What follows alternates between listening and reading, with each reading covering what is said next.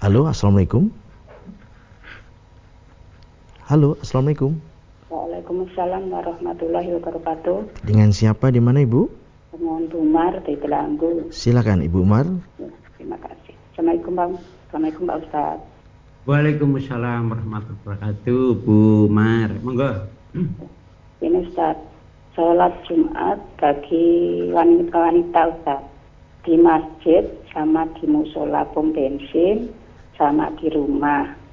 Itu yang beda gimana itu mohon dijelaskan Ustaz.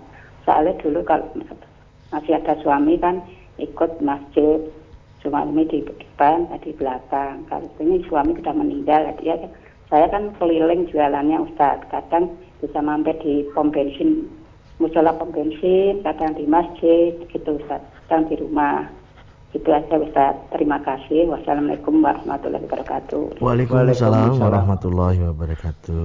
Mohon maaf Mas Tommy diulangi kurang begitu jelas. Ya. Jadi Bu Umar ini aktivitasnya jual keliling dan mohon petunjuknya untuk sholat Jumat bagi wanita yang sholatnya ada di masjid, kadang juga di musola SPBU dan kadang pula di rumah. Bagaimana yang demikian Ustaz? Iya. Yeah secara singkatnya bahwa yang kita pahami selama ini ya kalau e, ibu seorang wanita sholat Jumat di masjid ya seperti biasa.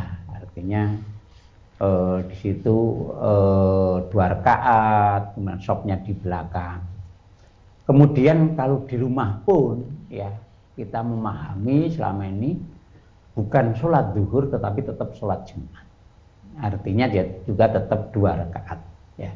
Monggo silahkan aja itu uh, itu yang kita pahami yaitu yang dipahami MTA untuk bagi wanita ya sholat Jumat bisa kalau di masjid dilakukan di masjid cara berjamaah berarti sholat Jumat biasa kemudian kalau di rumah pun kita juga memahami bahwa bagi wanita di rumah pun juga melakukan sholat Jumat artinya sholat dua rakaat juga. Gih, saya pikir itu.